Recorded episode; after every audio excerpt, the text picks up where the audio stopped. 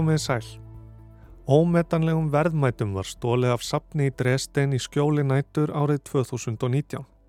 Þjóðvarnir voru ósvipnir og vel skipulæðir og var þetta eitt stærsta demantarán sögunar. Eftir langa leiti tókst lauruklu að hafa hendur í hári ræningjana og dómur yfir þeim fjall á dögunum. Málið tengist allræmdri glæpafjölskyldu í Berlín, förðulegum þjófnaði árið 2017 og svo verðist sem bóvatnir hafi litla hugmynd haft um hvað það var sem þeir stálu.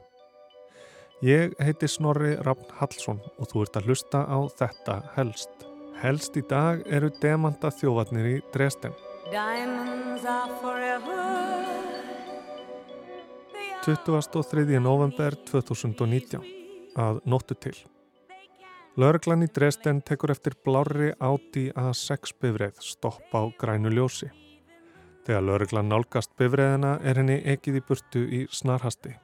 Og þaðan yfir í Demanta og aðra skartgripi sem rænt var úr safni Dresden í Þískalandi í nótt.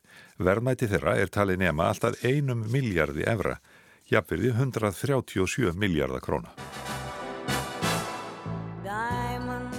Skömmu fyrir klukkan 5 að morgni mánudagsins 29. november var potti fullum af logandi bensíni og dísilolju komið fyrir í grend við Ágústusbrú í gamla miðbæ Dresden í Þískalandi.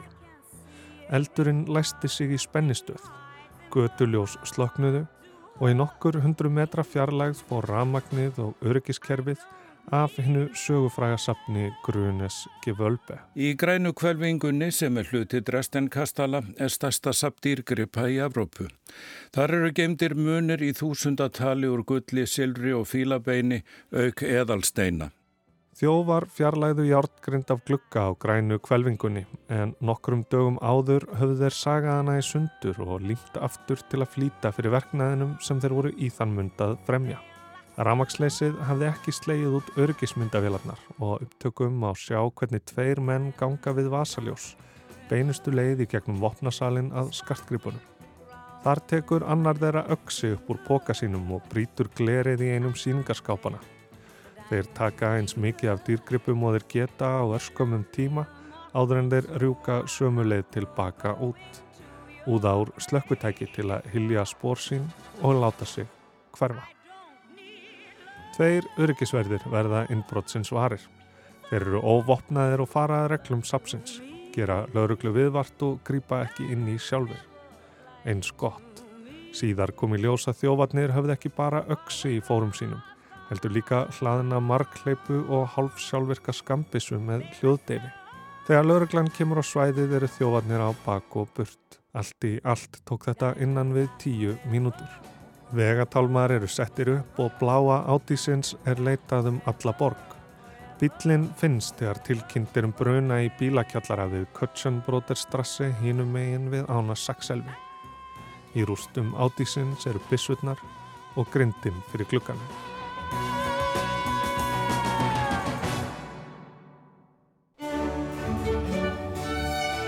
Það var Ágúst Sterki, kjörfursti Saxlands og konungur Póllands sem setti sapnið á lakirnar árið 1723 og kom því til leiðar að öllum listaverkum og dýrgripum í eigu konungsfjölskyldunar var sapnað saman á eitt stað.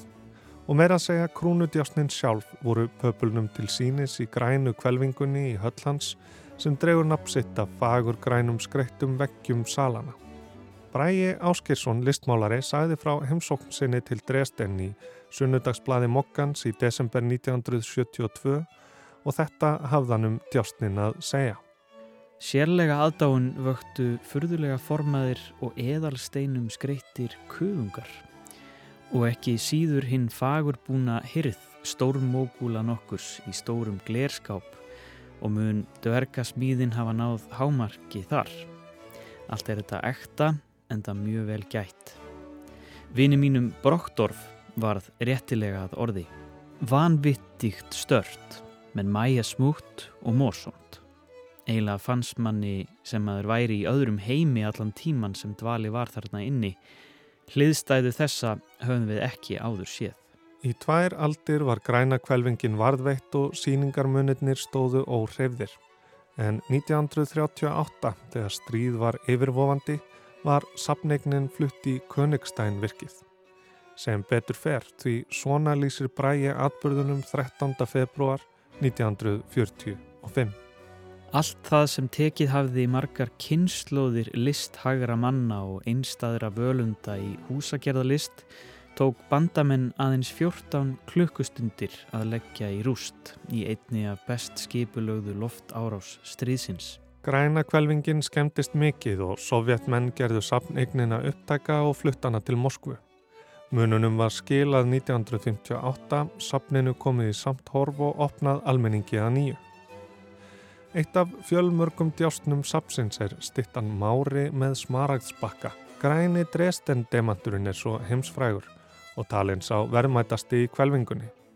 Grænir demantar eru með þeim sjálfgjafari og þeir eru grænir vegna geyslavirkni þar sem þeir myndast. Sá í Dresden er 41 karat, 8,2 gram og slapp nömlega við þjófnaðin því aðeins örfáum dögum fyrir ránið var hann lánaður Metropolitan-sapninu í New York.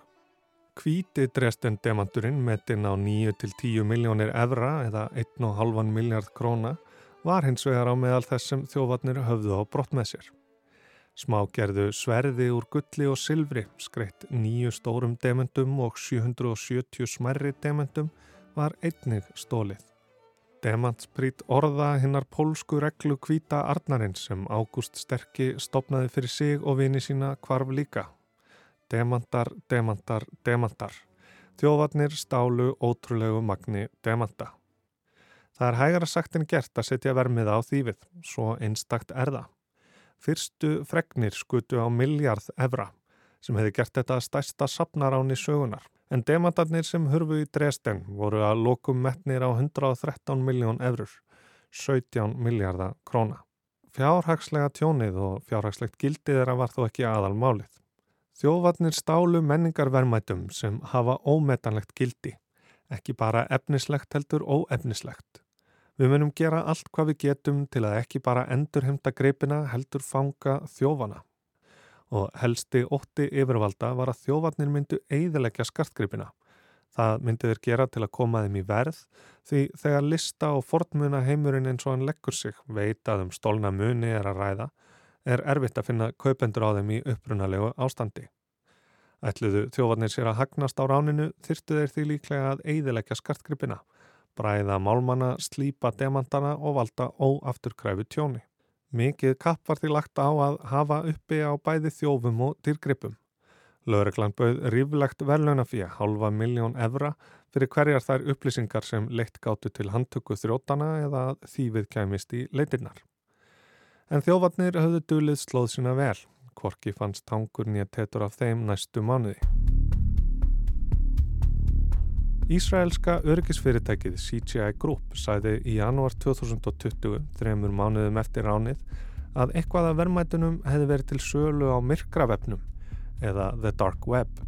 En þetta var alltið fyrðulegasta mál. CGI Group greindi frá því að þeim hefði borist tilbóðum að kaupa kvíta Dresden demantinn og orðu reglu kvíta Arnarins og vildu seljandur fá greitt í naflausu rafmyndinni Bitcoin samtalsum 9 miljón eurur, mun minna en hlutinir um etnir á. Forstjóri CGI Group deildi samskiptum við aðila sem hafði dulið slóð sína á netinu með tækni myrkrafrefsins og kallaði sig Dark Grim Reaper. Aðtugaðu að við munum ekki semja og þú finnur okkur ekki, ekki reyna sæði meðal annars í tölvupostinum. CGI Group sæði að stjórn Sapsins hefði ráðið á til að kanna þjófnaðin, að yfirvöld í Dresden hefði fengið allar upplýsingar og að CGI hefði verið í samskiptum við stóra og velþekta lögmannstofu í Evrópu og gert ráð fyrir að það tengdist tryggingamálum. Stjórn Sapsins hafnaði þessu. Lörglan í Dresden sæði að sér hefði ekki borist neinar upplýsingar og að tilbóðið hefði ekki verið raunverulegt. Þar að auki voru skartgripirnir ótreyðir, yðgjöldin voru of há, herri en kostnaður við mögulegar viðgerðir og ekkert kemur í stað ómetanlegra hluta. Það er ekki hægt að kaupa bara nýja. Það var því lítið sem ekkert að frétta þar til í november 2020. Mennirnir höfðu sérst á upptöku fara upp í Mercedes-Benz bifreið sem var dullbúinn sem legubíl áður en þeir kveiktu í átíðinum En lauruglunni hafði miðað áfram og grunaði að málið hefði tengsl við annað rán sem framið var tveimur árum áður í Berlin. Til að hafa hendur í hári vel skipulaðra þjófa þurftu yfirvöld að vera vel skipulað líka. Yfir 1600 lauruglumenn gerðu rassíur samtímis í átján íbúðum, bílskúrum og faratækjum í Nájköln í Berlin og þrýr menn voru handteknir. Dægin eftir sæði vera Ylluadóttir frá í morgunvaktinni hér á Rás 1. Þessir þrýr sem að handteknir voru og sumuleiðis þeir tveir sem að enn er leitað að. Þetta er allt uh, ungir menn uh, svona um, já, á, þrítöksaldri og uh, tilheyra sömu, sömu fjölskyldunni eða, eða svona stórfjölskyldunni og það er já, fjölskylda sem er allræmt í, í, í undirheimum Berlínar allavega svo kallu, þú veit þetta Remmo stórfjölskyldan eða, eða klanið eins og, og, og þjóðverjar uh, kallaða og er í raun og veru eins konar uh, mafía verðist vera, þetta er ein af uh, nokkrum arabískum stórfjölskyldum sem að eiga ættir að rekja til þess sem er nú suðaustanvert Tyrkland en uh, byggulengi í, í Líbanon og uh, síðan hafa meðlimir uh, þessar fjölskyldu leituðu hælis í, í, í Þýskalandi á dögum líbansku borgarstyrjaldarinnar í svona í byrjun nýjunda áratöðarins og uh, nokkrar af, af þessum, þessum fjölskyldum eða klönum hafa síðan orðið uh, aðsópsmiklar í undirheimum Berlínar.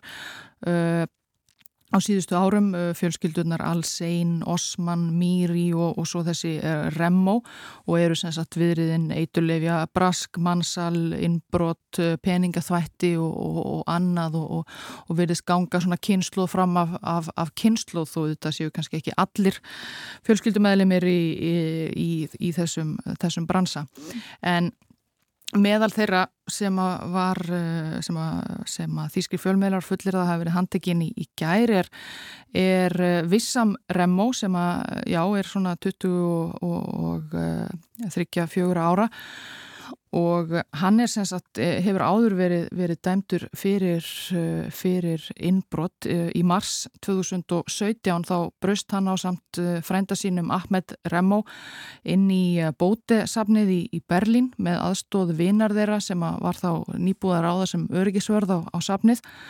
Og þeir komist undan með Ég næstu því lígilegt uh, þýfi grí, gríðar stóran 100 kílóa gullpenning, uh, Big Maple Leaf eins og hann er uh, kallaður sem að kanadíska myndsláttan létt búa til 2007 og var þarna til sínis á, á safninu þó hann væri í enga eigu og þeir komist undan með þennan gullpenning í, í hjólpurum sem að þeir hlupu af stað með og, og komið síðan upp í bíl. Þeir Frændunir voru, voru handteknir uh, nokkrum vikum síðar en gullpenningurinn uh, fannst aldrei. Það fannst gullduft á klæðinaði þeirra og í bílnum þeirra og uh, líklegt talið að þeir hafi, þeir hafi brætt niður gullpenningin. Á næstu mánuðum hafði lauruglan uppi á tvíburunum og voru þeir einni handteknir fyrir aðild sína að málinu. Ekkert bólaði þó á verðmætunum og sagbortningar neituðu allir að gefa nokkuð uppi eða svara spurningum lauruglu. Málið var tekið fyrir dóm í byrjun árs 2022. Sagbortningarnir huldu andlit sín þar sem þeir voru fluttir fyrir hérastóm í Dresden. Allir neituðu sök. Marjón Ackermann, yfirmaður listasafna Dresden, sæði að öll örgismál hefði verið yfirfarin og vonaðist til þess að munirnir væru enn á heilu og höldnu. Að réttarhöldin myndi vekja aðtiklega á málinu, svo ef einhverjum byggðist munirnir til sölu þá myndi viðkomandi geta borið kjensla á þá og hjálpað til við að finna þá. En aftur var því ekkit að frétta þar til undir lok árs þegar réttarhöld hófust fyrir alvöru og samningaviðraður saksóknara á verjanda mannana báruloks árangur. Þrýr þeirra samþyktu að játa á sig glæpina og gefa upp staðsetningu þýfisins gegn mildari dómi. Það er til fólk sem stelur listaverkum vegna lista ástriðu sinnar en þetta var algjörlega andstæðan. Þeir höfðu ekki hugmyndum hvað þeir tóku sæði Marjón Ackermann þegar laurugla hafði fundið hluta af þývinu í Berlín og skilað aftur í hendur sapsins. Dómur er nú fallin í málinu. Frændurnir Rabi Remo, Vissam Remo, Bashir Remo og tvíburarnir Mohamed og Abdul Majed Remo játuðu og voru dæmdir í um það byl fjögura til sex ára fangilsisvist. Abdul Majid Remo sæði fyrir dómi að ránið hafi verið risastór mistök og hétt því að hefja nýtt líf án glæpa. Mörgum þykir dómurinn helst til mildur. Ránið hafi verið ósvífið. Mennirnir vopnaðir og hættulegir, þeir viluð ekki fyrir sér að kveikja elda og stela ómetanlegum vermætum. Saksóknari segir þó að samkominnlagum mildan dóm hafi verið eina leiðin til að endurheimta hlutina. En vermæntustu munirnir eru þó ekki enn fundnir. Kvíti Dresden demanturinn, demants hálsmenn og brjóstúkur drottningar Amelíu Ágústu frá Bæjarlandi. Hvort þeir eru glataðir fyrir fullt og allt eða komið aftur í leitirnar getur tíminn einn leitt í ljós. Þetta var helst af demantaþjófunum í Dresden sem nú eru á bakvið lás og slá. Ég heiti Snorri Raffn Hallsson og þakka áhengina.